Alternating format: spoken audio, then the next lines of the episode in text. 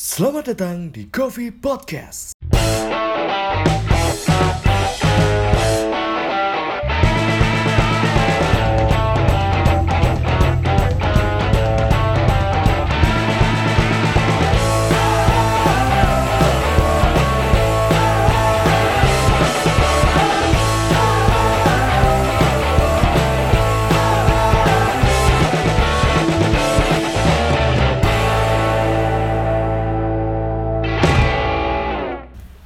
Apa kabar saudara-saudara? Setelah sekian lama pray ge orang gawe podcast. Wis lama banget mes tahun BTW. Waduh. Karena suwung gabut, tambah lagi hutan barang ya suhunya enak banget. Gue berbincang-bincang seputar bola apa mending banyak sekali kabar-kabar tragis di sepak bola, Pak. Mantap ge. Oke, bersama Bung Fafa BTW ya, nang Yoi, ini ya. halo. Masih muka-muka lama. Eh, ki kali ini topik sing paling hangat ge pirang-pirang Geneva. Salah satunya ge tidak lolosnya Itali ke Piala Dunia Qatar 2022. Nah, itu dia. Dan ini merupakan kedua kalinya Italia tidak lolos secara berturut-turut Di 2018 Betul. tahun ini ya. Setelah sebelumnya di Rusia tidak lolos dan sekarang lolos cuma sing gawe aneh ya wingi Italia juara Euro, Pak. Nah, itu Nah, dia. gue gue aneh banget. Aneh banget. Tanggapanmu Pak Bro kok bisa-bisanya Italia kacau banget tentang kualifikasi wingi. Playoff maning kan sekelas Italia mlebu playoff wis aneh lah. Speechless sih ya. Iya. Karena lawannya juga North Macedonia. Nah, gitu. gue gue sing mantenan. Bahkan timnas Indonesia tau menang lawan Makedonia 3-0 nek ora salah betul siji iki. Busing under pira ya, tapi ya Makedonia lah. Padahal di atas kertas skuadnya Italia orang main-main loh. Iya. Gila ini. Kok bisa kalah karo North Macedonia? Dan kalau kita lihat secara peta emang tidak full tim ya. Cuma Iya ya sih. orang full timnya Itali ya masa kalah gitu. Iya sih. Di gol telat eh, Alexander Trasowski ya dari siapa? Makedonia. Maksudnya gue harap lapis ketelu lawan Makedonia be kudune menang loh. Iya. Oke masih ada Barella, Jorginho, Apalagi- anak Immobile kok aneh Insigne, Sekarang- aneh-aneh. Siki kan wingi kan North Macedonia tidak bersama legendnya kan, Goran Pandev. Goran Pandev ya, Goran Pandev kan memutuskan pensiun setelah Hmm. Euro kan. Betul. Kok bisa kalah ya? Kenapa ini masih jadi pertanyaan besar juga sih? Ya nek ujarku sih pancen melihat track record Itali di tiga gelaran eh ya dua gelaran terakhir pas Itali melu, rong 14 karo Iya. rong 10, Itali juga kurang impresif menurut Emang gua. iya sih. Di 2010 dia tumbang di fase grup kan. Iya. 2014 dia juga tumbang nang fase grup BTW. Dan fakta menariknya pemain terakhir yang mencetak gol kan kurasa Balotelli. Anjay. Iya, iya, iya. Nah semenjak Balotelli tidak dipanggil, ya wis nasibnya kita lihat 2018 los, 2022 los. Kan sempat dipanggil Balotelli wingi kan durung suwe. Iya, kan? memang sempat Terus dipanggil. melu latihan timnas, seneng banget. oleh Roberto Mancini ya. Pas lagi playoff ora diikut sertakan. Itu apakah petuah Balotelli masih sepenting itu Pak nang Italia menurut? Saya rasa iya ya. Jergo rapati ya. kenapa? Kenapa bagi kamu penting nang apa Ge? Karena Balotelli pernah main di City. Oh, mem- membawa juara juga ya? Betul. Untuk yang pertama kali di era Premier League, Pak, Premier League City pada saat itu. Era Mancini ngeri juga kan. Dan mencetak gol ke gawang KPR pas itu kan. Betul. Sebelum akhirnya Aguero menentukan Yoi. kemenangan City, tapi ya tidak menjamin juga ya. Nek aku ndelenge sih emang Italia lagi krisis striker. Contoh kayak misal Ciro Immobile, Pak. Sangat impresif, sangat impresif bersama Lazio yang kelingan banget pernah Tapi tapi wis ketuan. Iya wis ketuaan lah gue. Pernah mencetak rekor sepatu emas pencetak gol terbanyak Eropa juga, menyalip Lewandowski waktu itu kan. Iya, Immobile. betul. Cuma ya gue bener, gue ketika menyinggung masalah umur aku sepakat banget dan nang Italia ge termasuk negara dengan regenerasi yang re- cukup kurang apa ya? Kurang. Bayangkan, lini belakang masih Bonucci, Cellini. Mau sampai kapan? Iya. Ya kan gue. Coba maksudnya selain Ciro Immobile siapa sih ya kan? Iya, untuk sejauh ini emang belum ada nama yang mencuat bisa menjadi pengganti Immobile, Pak. Nah, gue sih Tapi yang- yang- seputar regenerasi Sing menurutku sangat mengherankan kok bisa nang Euro menang ya kan? Nah, gue kalau kita lihat, Pak, kemenangan Italia yang didapat nang Euro, ke dua laga terakhir itu didapatkan dari adu penalti BTW. Iya. Semifinal kan lawan Spanyol kan? Spanyol. Adu penalti. Gue penalti ya. di mana faktor keberuntungan gue juga bermain nang ngono lah ya penalti men lah. Betul. Apalagi dia punya kiper Donnarumma sing ibaratnya striker nendang penalti ndeleng gawang ora keton. Ketutupan kabeh gawangnya. Nah, terus mlebu final lawan Inggris. itu juga penalti, adu penalti juga. Iya. Itu karena ketokloan tiga pemain Inggris ya, Sancho, Rashford dan si Bukayo Saka. Iya.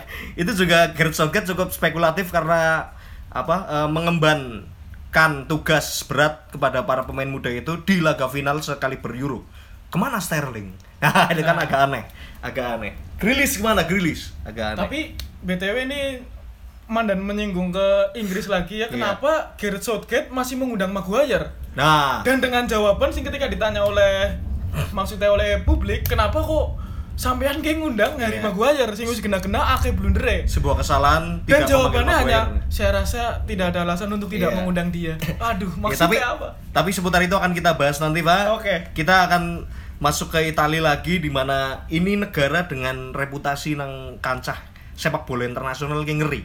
Hmm. Empat kali Piala Dunia, bahkan ada satu rekor yang masih belum terpecahkan sampai hari ini, menjadi satu-satu negara yang berhasil meraih trofi Piala Dunia dua kali berturut-turut. Walaupun Ya. katanya ada intervensi dari pemerintah ya, Benito Mussolini, Mussolini waktu itu. Oh. Tapi terlepas dari konspirasi dan isu-isu yang berkembang, ini adalah negara luar biasa, Ya, pastilah negara gila. Bahkan di lap- 1982 pernah terjadi tragedi pada saat Paulo Rossi mencetak hat-trick ke gawang Brazil. Wah, anjir. Sampai Paulo Rossi bikin buku judulnya Ketika Saya Membuat Brazil Menangis. Itu Edan. cukup ikonik dan sekarang kita tidak melihat Italia yang yang punya identitas menurut gue sih.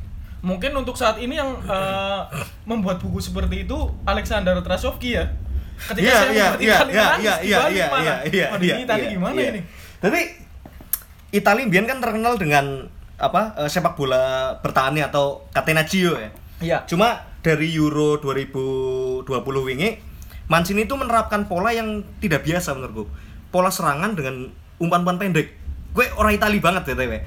Next secara permainan emang bener-bener sesuai lah kalau sepak bola modern zaman segi lebih taktis, sistematis.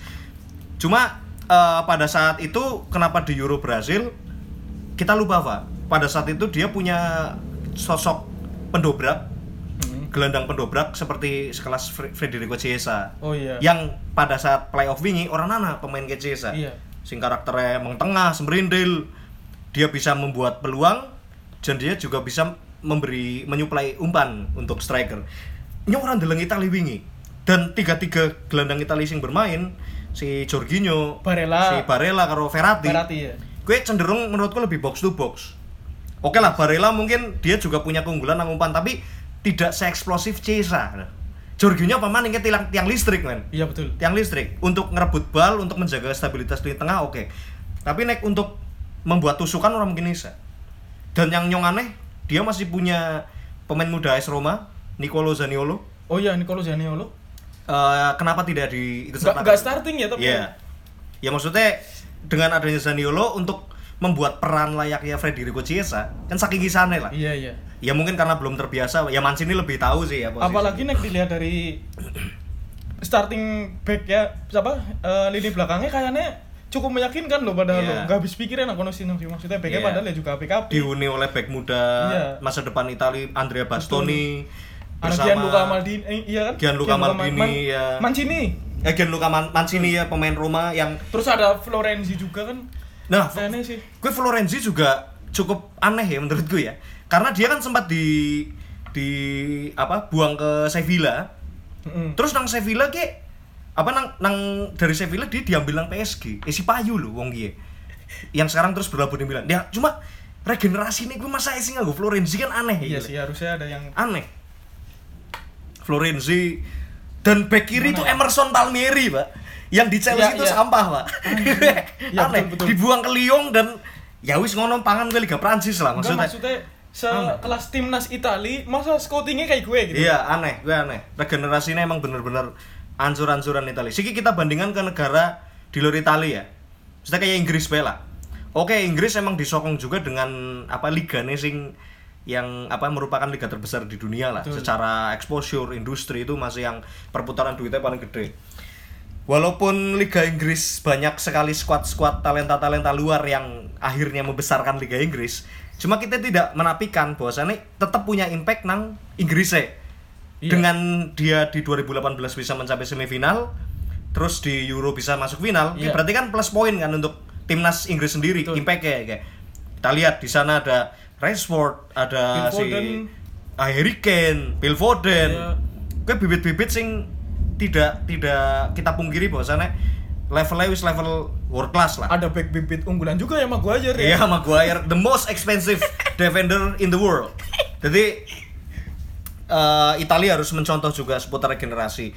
Karena jarku juga dari dulu Italia masih selalu bertahan dengan pemain-pemain yang itu-itu aja. Hmm. Kita lihat 2006, Pak. Masih ada nama-nama seperti Fabio Cannavaro, Betul. terus masih ada eh, si siapa? Del Piero. Bahkan eh, si siapa?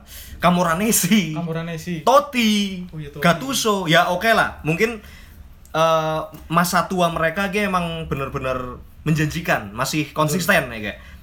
Tapi kan sepak bola zaman Siki agaknya ketika tidak melibatkan pemain muda, gue aneh. Itali Iya salah satu nih gue sing aneh. Menurut gue untuk seputar regenerasi. kenapa ya apa mungkin dari manajemen timnasnya sendiri mungkin juga ma- eh sih kurang percaya gitu Iya. kalau pemain-pemain muda Betul. padahal banyak banget pemain-pemain muda Italia sing sebetulnya Betul. sangat-sangat berbakat loh Raspadori kan. nah gue eh, si Inter Milan juga punya Ma- Martin Satriano. Iya. Cuma itu kayaknya masih level sampah sih. Tapi masih pancen Sampah. pancen dari dulu lah. Italia jarang banget deleng bibit sing bisa mencuat. apalagi sing sangat tak sayangkan kan kenapa Italia masih pakai Florenzi Caro Emerson Iya. padahal Parah. kan Italia terkenal kayak ya maksudnya backnya strong lah dari lini Iya, pertahanan iya, kan Zambrota Berapa- dulu kita Yona. ingat kan. Massimo Odo, Hmm. Zakardo, gitu. Pokoknya wingnya itu tuh wing sing sing kayak siki misal Cancelo ya kayak lah, sing Iya. melayu tusuk ora. Jadi eh, rasanya ra- rasa winger wingback di Italia ki lebih lebih co- condong ke defensif kan. Defensif. Defensif. Cuman nek siki karena melihat sepak bola modern yang berlangsung di seluruh dunia, kita lihat di sisi kiri Italia sebenarnya kan sing ngisi eh, si Spinazzola. Iya, Spinazzola. Leonardo Spinazzola kan cuma di Lala ACL dan nyong ngematna Leonardo Spinazzola ki cuma hebat di timnas, Pak. Nang Roma kagak kelihatan, Pak. Iya, emang. Iya, nang Roma ampas, Pak. malah di Roma yang kelihatan legenda ya Iya. Smaldini legenda MU maksudnya Smaldini ya. Eh, Chris Smalling lumayan luar biasa ya. Nah gue aneh dan kita akan kehilangan Itali di Qatar. Iya. Seperti halnya kemarin di Rusia sayang itu. Rusia 2018 Selain Itali juga ada yang mengagetkan ini Kolombia oh iya kalau yang kita tahu juga menyimpan banyak bakat-bakat luar biasa seperti Yerimina, waduh ya Mina Iya, Cuadrado. iya Cuadrado lu kasihan Pemain yang banget, sudah habis. Oh, ada yang baru mencuat kemarin transfer Porto ke Liverpool, Luis Diaz. oh iya Luis Diaz Luis Diaz kita tidak akan Kasihan melihat dia. ya. James Rodriguez yang karirnya juga akan redup sebentar lagi sebenarnya karena dia sudah bermain di Liga Qatar sekarang ya. Mm-mm. Itu banting setir yang cukup ampas kontroversial ya. Dari dari oh, dari Everton langsungnya ke Qatar ya. Padahal dia ke Amerika pun masih ini. Mungkin dia cari duit juga di sana lumayan. Ya, inilah Piala Dunia, inilah sepak bola, Pak. Akeh drama, akeh hal-hal yang tidak terduga. tapi rada gelau ora sih gelar lah ya Italia ora lolos gitu. banget banget. Nyong apa maning? Oke lah nyong ora terlalu ngefans Itali btw nyong timnas juga ora patia lah. Aku timnas Jerman. Iya ya nyong senengnya Jerman juga tapi tidak yang sefanatik nek klub ya gitu iya iya. Jadi eh, agak agak lucu ketika penalti apa eh, Piala Dunia Itali tidak ber, eh, terlibat nang kono. Ya masih ada pemain bintang lah lumayan orang katang Jorginho ya ya. Terus juga Domenico Berardi yang apa Iya. Belotti ya si timnas kan? Belotti loh what the fuck ya Belotti. Nang sangar nang Torino dok. Gila Belotti. Ya Donnarumma juga ya Donnarumma kan di beberapa laga terakhir juga sempat kendo ya. Apalagi waktu pas lagi lawan PSG di 16 besar kemarin. Eh sorry eh, pas lagi melawan Madrid. Iya. Di mana dia Donnarumma melakukan blunder yang cukup fatal sehingga memudahkan Karim Benzema mencetak gol ke gawangnya. Nah, Siki menyoroti juga Pak seputar kiper Itali. Nek zaman Bien kita mengenal Gianluigi Buffon cukup lama Betul. nang Itali kan. Nek ora salah iki kit ki 2002 Piala Dunia. Kayaknya sedurunge sempat melu cuma kayaknya udah inti ya. Tapi sing jelas 2002 dia sudah sudah inti sampai Piala Dunia terakhir di 2014 masih Gianluigi Buffon. Caranya regenerasi kipernya cukup lemah. Nah, sangat sekarang Buffon sudah lengser diganti Donnarumma. Bagimu Pak, sejauh apa Donnarumma bisa bertahan nang timnas dengan performanya sing naik turun nih ge? nek bagiku sih kudune gimana ya ya se- secepatnya scouting kiper lagi lah sing Iya, apik kayak gitu iya. maksudnya aja ngandelnya Donnarumma terus seperti kejadiannya eh, di Buffon kayak Iya, gitu iya. jadi ketika Buffon orang anak ya wis lengop kiper gitu kan Iya. Lah jangan sampai terjadi di era-era saat ini juga nang erane Donnarumma ana Iya. maning lah scouting kiper maning siapa iku sing sing kirane pemain muda kiper apik lah ambil kayak Jerman lah oke lah Jerman Oh, Jerman Neuer kan bertahan lama. kurang kayak Neuer, gitu. Neuer kan bertahan lama. Iya. Tapi selain Neuer akeh banget Akeh kiper banget, Jerman sing iya. umum. Gavin Gitu. Trapp, Dan tim-tim- ya jane iya, lumayan, di Stegen, besar mainnya iya. gitu loh. Maksud gue gue contoh lah Jerman next scouting kiper ya. Enggak kurang-kurang dia. kurang kurang kurang Neuer ACL orang itu itu dari dari Jer- Jerman tahun siji ya pak? Kita Betul. ingat dulu ada legenda bernama Sepp Maier. Sepp Maier. diteruskan oleh Harald Schumacher. Harald Schumacher. terus baru gue Terus, ke Bodo Igner ya Bodo Illner sampai Oliver, Oliver Kahn, Kahn. Lehman gue orang kurang kurang Iya. bahkan sekelas sekelas siapa eh, Lehman be tau dari cadangannya kan ya gitu cadangannya apik nah itu Italia harus mencontoh itu. Dan nyong dan apa melihat Donnarumma gie eh, sepertinya tidak akan bertahan selama Buffon menurutku ya karena Sama-sama. karena Menurutku pikiran gue gini pak Donnarumma ki kiper sangar cuma ada satu yang kurang mental Betul. mental Karena kan seperti kita tahu Donnarumma ini masih sangat muda ya. betul Jadi mungkin aku kalah sepisan apa maning lagi kualifikasi kayak gini gitu. Iya. Lawannya North Macedonia mungkin Iya. dia juga tekanan. aneh aneh nah gue si- sing jelas kayak Buffon kan dia punya reputasi lah Se- sebagai kiper Iya. oke lah mungkin dia salah satu kiper yang mendunia tapi gagal meraih trofi Liga Champions cuma reputasi dia bersama Juventus Iya. kayak ora diragukan Scudetto melimpah terus juga eh, Piala Dunia barangan Bisa 2006 dibilang- akhirnya kayak Legendnya Juventus dan timnas Italia lah Betul. ya kiper. Nah, Nek Donnarumma nyong melihat perbandingannya kayak gini, Pak. Sederhana sekali. Ketika dia bermain bersama AC Milan, dia itu tumbuh besar bersama pemain-pemain yang juga merumput di Milan, ya gitu. Iya.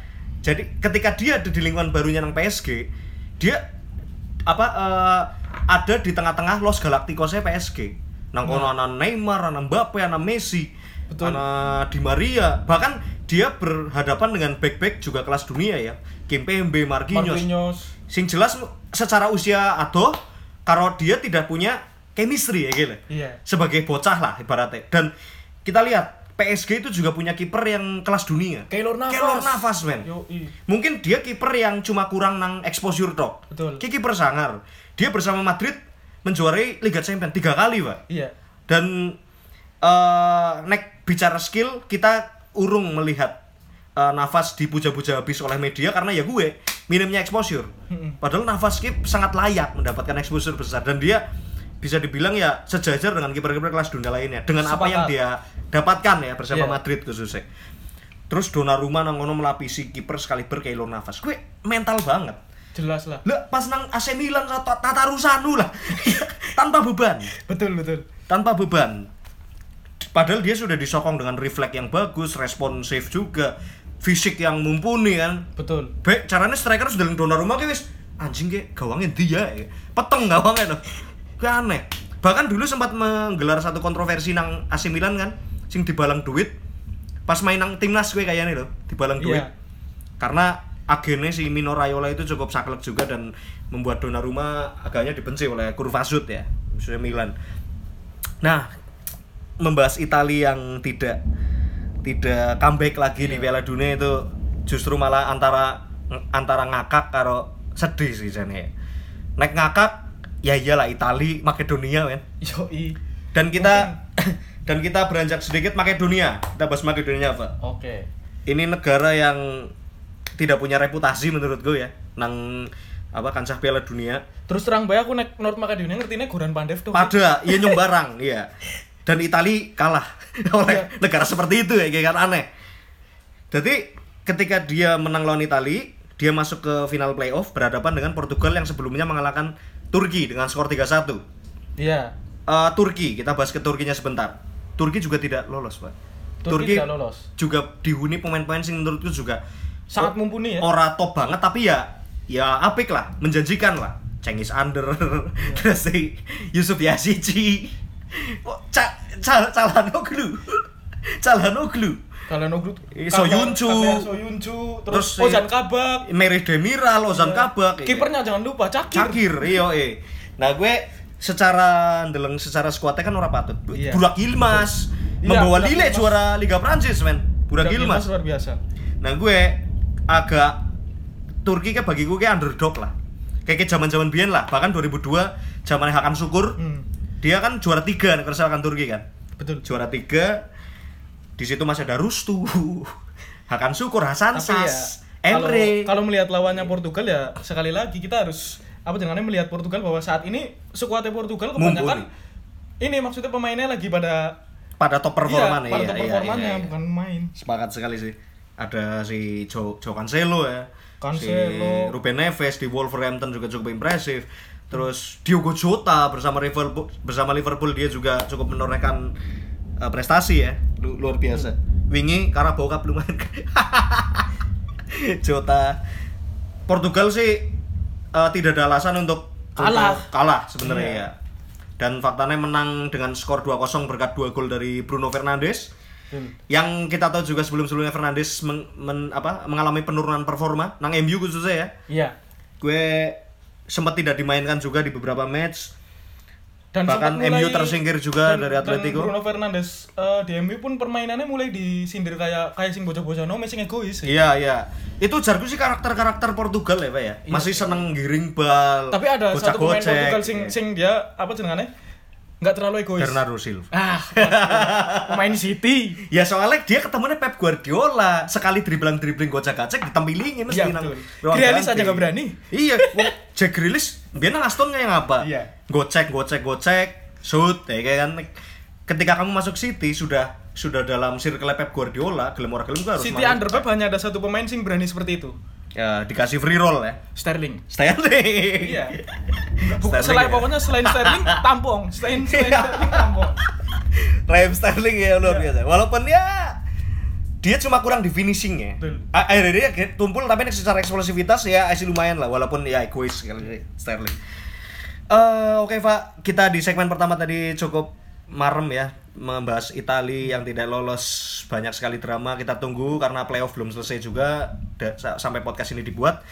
Eh, cuma ya seperti ini tidak ada yang terlalu penting ya. Iya. Polandia nih, juga lolos ya Polandia, lolos. berkat Lewandowski juga Lewandowski. sekali lagi. Itu kalau kita menyoroti sedikit ya Lewandowski.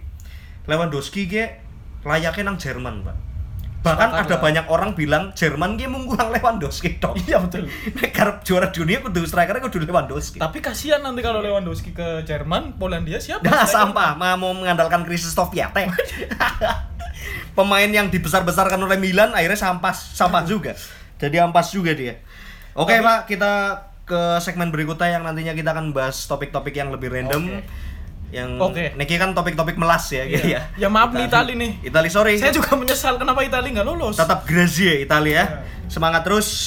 Oke, kita kembali lagi di segmen berikutnya. Tetap di Coffee Podcast.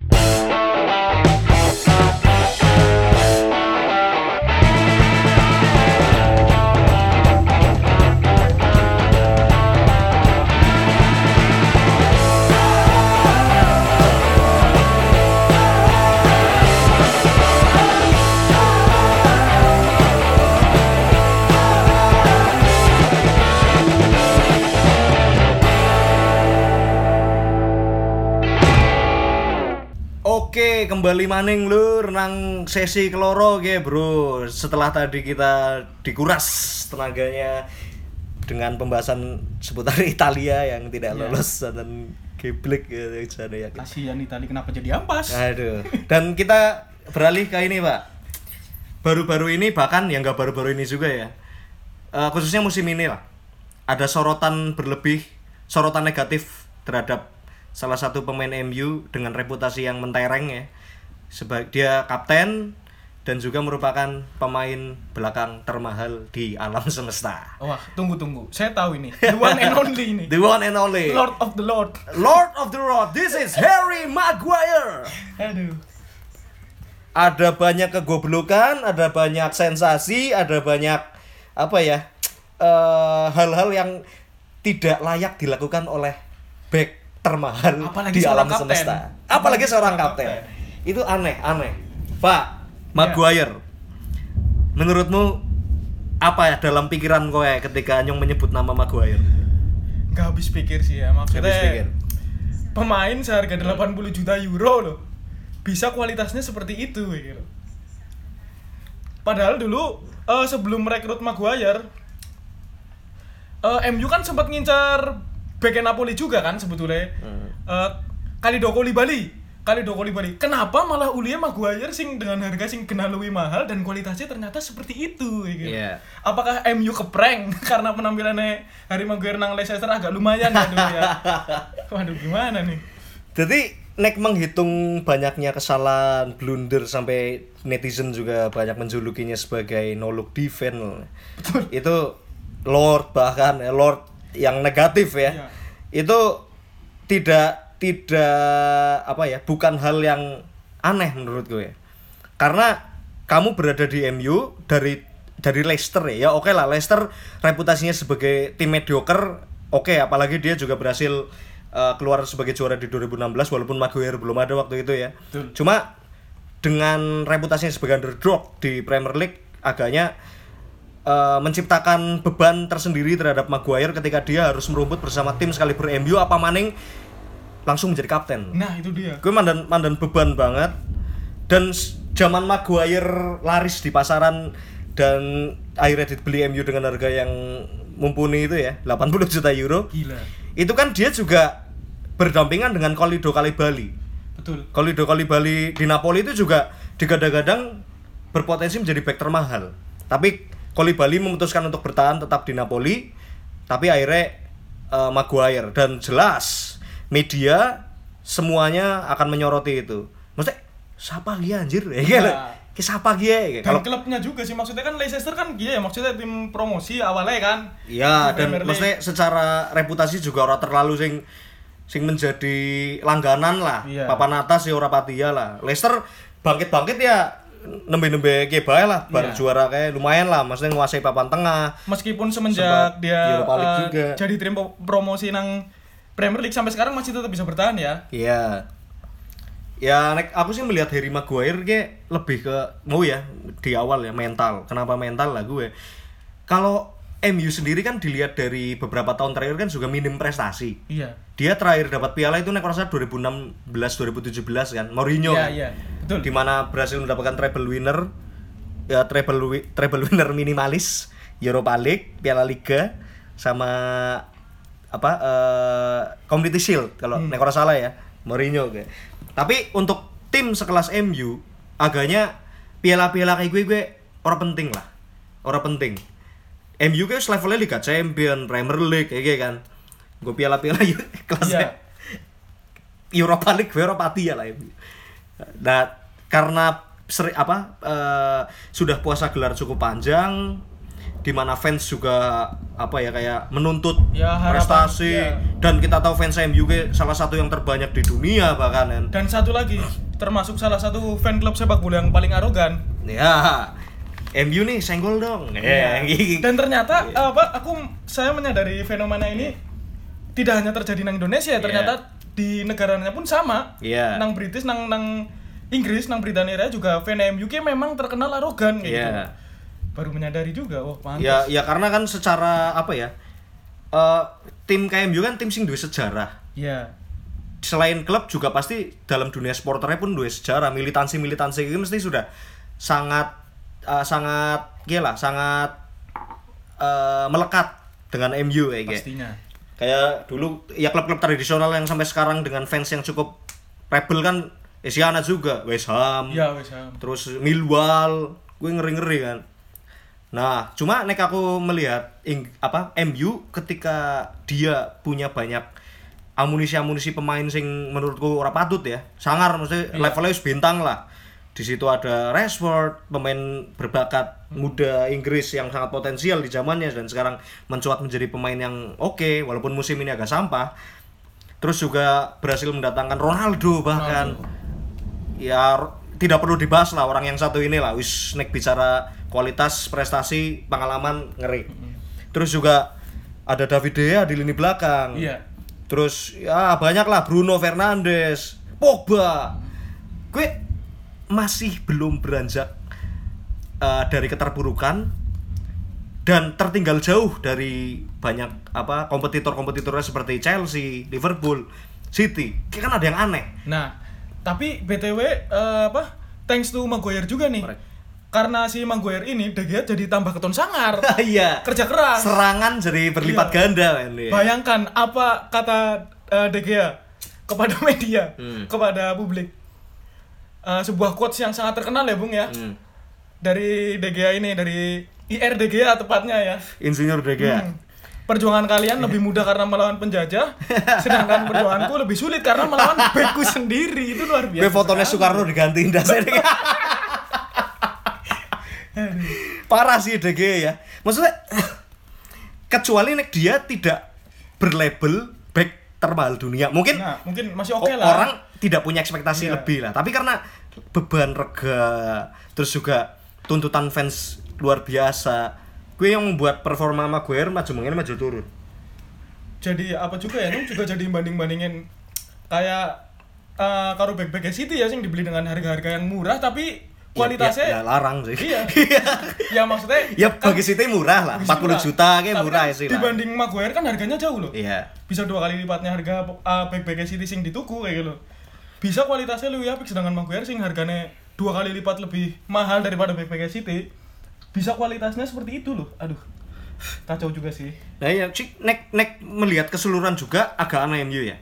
Bahkan nek di di kalkulasi pak, transfer MU kalau transfer City, ini bedanya City banget loh. Mungkin masih banyak City pirang juta euro lah sekian. Tapi secara pencapaian signifikan bedanya juga. Jelas. Aduh banget. jelas Gue aneh gue. Mungkin kita kalau me- melihat secara pemain, amunisi pemain, MU kan mumpuni ya. Iya, Cuma ma- maksudku juga ana sing salah nang pengelolaan klub barang loh. Jadi MU ke wis wis rusak secara sistem dari hulu ke hilir ya. iya Contoh lah biyen ke sing nyekel kan Ed Woodward. Itu jere bukan orang bola, Pak, orang finance. Jadi yang dia sasar itu gimana caranya nyung mendatangkan pemain ben klubku duwe exposure. Secara mungkin nang saham dari munggah terus juga dari pemain itu bisa diraup keuntungan di luar sepak bolanya ya. Misal kayak penjualan jersey Iya. terus kayak apa ex media juga yang meliput bangsanya kan otomatis kan punya impact yang positif juga untuk MU kan secara income khususnya. Nah gue mungkin ada ada yang salah dari manajemen. Cuma dengan didatangannya didata didatangkannya Ralf Rangnick ya dari RB eh dari Moskow apa ya? Lokomotif ya sebelumnya ya? Iya.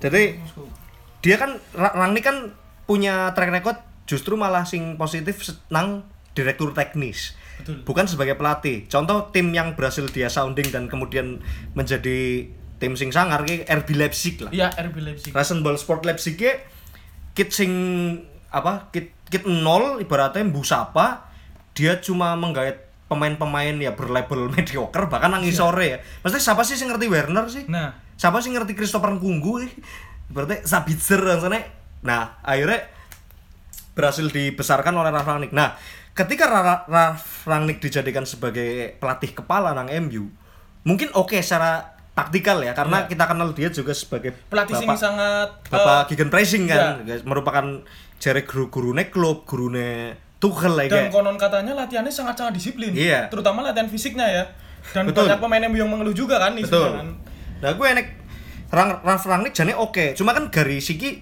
kita juga bisa melihat pemainnya kan aneh, gue duwe Rangnick. Pelatih yang sangat sistematis, duwe filosofi Betul. jelas.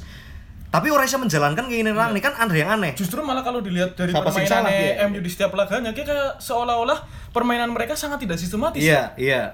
Seperti masing-masing pemain dibiarkan untuk Nah. ke mana-mana. Jane nek zaman Rangnick nyong melihat sing mencuat lumayan dadi apik sama Sal. Fred. Oh ya Fred, Fred sekarang malah mulai- lumayan. Ya Bagiku Fred lumayan. sekarang sudah mulai tobat ya Iya. namanya ya.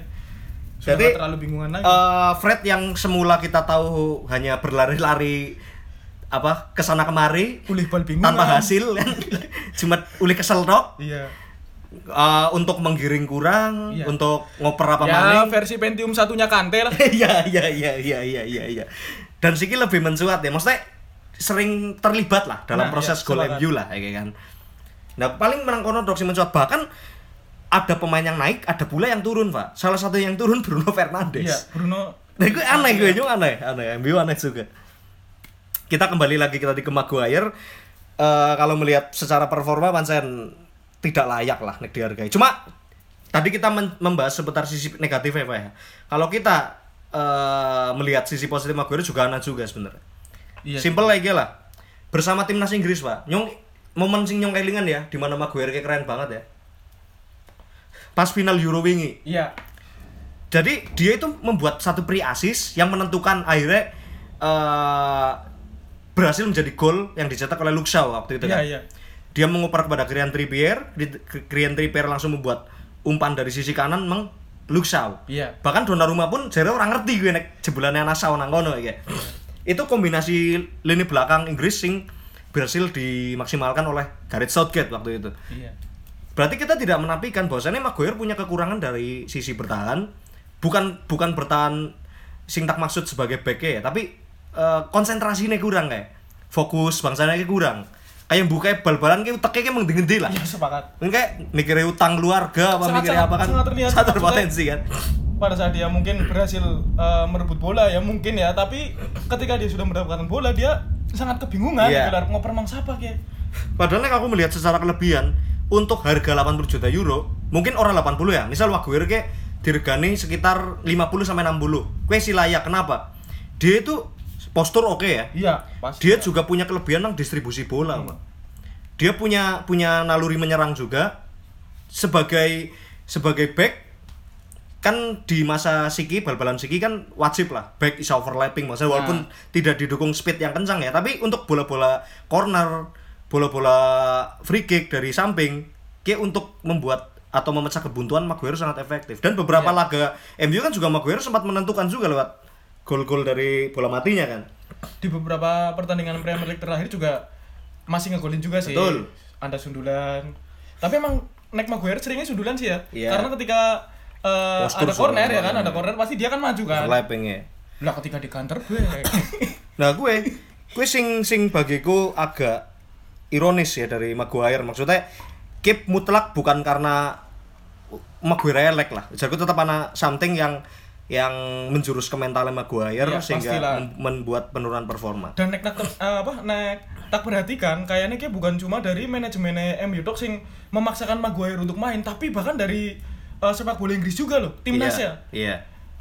karena gimana ya maksudnya Gareth Cukup krusial lah. ngundang ya, iya. Cukup krusial Maguire kayak eh, menurutku untuk level timnas Inggris ya. Emak aku setuju karo Southgate ketika tidak memanggil Maguire bagiku juga something wrong. Ya maksudnya ketika dipanggil baik itu sebagai cadangan apa sebagai pemain inti, ki penting BTW Maguire. Karena terlepas dari skill nang MU ya dan kontroversi nang MU, dia ikut membawa Inggris juga pada saat eh, kemarin masuk final kan. Iya. Bahkan semifinal pas Euro 2018. Itu kita tidak memungkiri bahwasannya ada satu hal yang harus ditularkan Maguire untuk para pemain-pemain muda Inggris yang sekarang juga makin banyak kan Iya. jumlahnya kayak. Itu adalah experience-nya. Experience-nya kayak penting banget. iya sih dan dia juga suka membriefing Ronaldo ya sebelum main ya iya iya iya. jadi kayak do kok kayak kayak kayak kayak Walaupun Siap, saya, saya rasa Ronaldo juga akeh ngeyel ya. Iya. Maguire. Ya. akhirnya itu juga sebenarnya dalam hati kecilnya Ronaldo dia menghina Iya maksudnya siapa kowe anjir ya gitu gue pikiran Ronaldo. Iya, Kudune iya. nyong kaptennya kan sempat ramai juga pinggir hari kan. sebagaimana kita tahu rebutan kapten. si Ronaldo ini kan nggak di klubnya nggak di timnasnya juga Dewe kan sering mengcourage teman-temannya ya Betul. kayak ayo kowe bisa bro Yang Ya, kita ingat dulu waktu final Euro 2016 di mana Ronaldo harus ditarik Nah. di menit-menit awal akibat tackle keras yang Iya. dilakukan oleh Payet yang ya. Ronaldo sampai menangis ya Betul. Terus kemudian dia diganti. Kemudian eh, di menit-menit akhir si Portugal berhasil mencetak gol lewat Eder. Iya. Yang katanya itu Eder sebelum main itu dibisikin sama Ronaldo Dix Iya, ya. iya. Ada Memang, suntikan moral. Nah, gue perannya kan Dan cukup itu cukup lumayan. berhasil ya? Berhasil. Nah, ujar unyong be aneh apa tuh Nah Ronaldo mungkin kaptennya mungkin ya? Maguire pengen mencontoh seperti itu. Nah, Dok, nang kene nyong Lord of the Lord-nya nih. Betul. Pokoknya kudu mendengarkan briefingku. Nah, pokoknya nek kita melihat Maguire sekarang kita berharap ya eh, dengan bandrol yang sebegitu mahal ya semoga be bisa kembali ke Maguire yang yang hebat. Iya. Emang tahu hebat ya? ya gue aneh juga ya. Sebenarnya- maksudnya hebat ya hebat tapi Iya. sih ora banget lah. Nek bicara blunder sebenarnya kan Iya. dari Leicester dia sudah eh, pernah melakukan blunder juga Iya. beberapa kali, tapi kan nggak sebanyak di MU. kayak Iya, gitu. maksudnya terlepas jumlahnya, Pak. Iya. Ki MU. Nah. Pemain pemain sing bosoknya ora pati ya keton bosok banget Iya. karena exposure-nya gede. MU kan. Apalagi kan pasti publik akan berpikir bahwa, bahwa apa ya maksudnya Kayak sekelas MU loh, masa Iya. BK gue dimainin kan gitu ya kan? Iya iya. Dan sing gawe aneh iki, Pak. Semisal ya, kayak Maguire kan banyak membuat kekonyolan ya di lapangan ya. Nah, nyungkit jane penasaran ketika Maldini ngerti gue, Nesta ngerti gue, Jebstam ngerti gue, terus Fabio Cannavaro ngerti gue, komentar mereka ki apa gitu. Kayaknya kayak ada apa? Speechless gitu, Maksudnya speechless. melihat harganya kayak bajingan gue. Iya. Kayak gue sih derganisme dulu nyong biyen zamane main pira ya kan. Pasti pasti mereka juga jadi berandai-andai bukan? Iya. kayak nek nyong anak nang masa masamu Maguire pas gue main mungkin nyong bakal lebih larang sekarang gue kayak gue mungkin. Mungkin untuk pemain sing sing sih bermain ya. Leon apa eh, Leonardo Bonucci misal. Iya. ngomentari Maguire. Cigur gue. Gue kayak gue bisa 80 juta euro nyong pira gitu loh Bonucci loh men. Yoi. Bonucci. Walaupun ora lolos ya tadi ya. Ya ada ya. Beban lagi. Tapi Bonucci bersama Juve 9 kali beruntun. Sangat Scudetto. lah. Nah gue lah pak. Maksudnya daripada kita eh dosa dok ya bahas Maguire melas tetap apa ya maksudnya Positive meskipun- thinking lah, Nyong meskipun nyong seneng ngecengin ya tapi nyong Iya. ya turut prihatin juga sih dan melas juga karena Masalah kayak, Maguire ya kayak back oke sebenarnya Iya. lah. Maksudnya dia punya modal bagus untuk menjadi back yang sesuai dengan harganya sebenarnya. Bahkan Anyong kelingan banget ya, pas lagi Arsenal tuku Ben White. oh iya Tuku kan dibully habis-habisan gue. Iya, iya. Iya, congore Ben White regane 60 juta euro apa ya? Apa 50 apa 60 Iya. ya? Pokoknya termasuknya mahal untuk level Arsenal. Lo dibully, nyatanya Ben White lu ya apik. makanya Kemarin aja starter pas lagi uji coba. Nah, gue lah, yang penting kita berharap Maguire semoga kembali ke Iya. peak performanya Semoga eh, sesuai dengan harganya. pulih ya. Bagus dari keterburukan dan dikuatkan juga mentalnya dari pressure-pressure yang datang baik dari media sosial maupun di stadion nih ya. Oke, Pak, kita cukupkan sementara Govi Podcast kali ini setelah sekian lama ora siaran. Oke, tetap eksis walaupun situasinya tragis. Oke, Nyong Tijo dan rekan saya dan saya Mania Fafa. Undur diri kawan. Thank you yang is ngerokna. Pokoknya thank you sekali lagi dan tetap di Kopi Podcast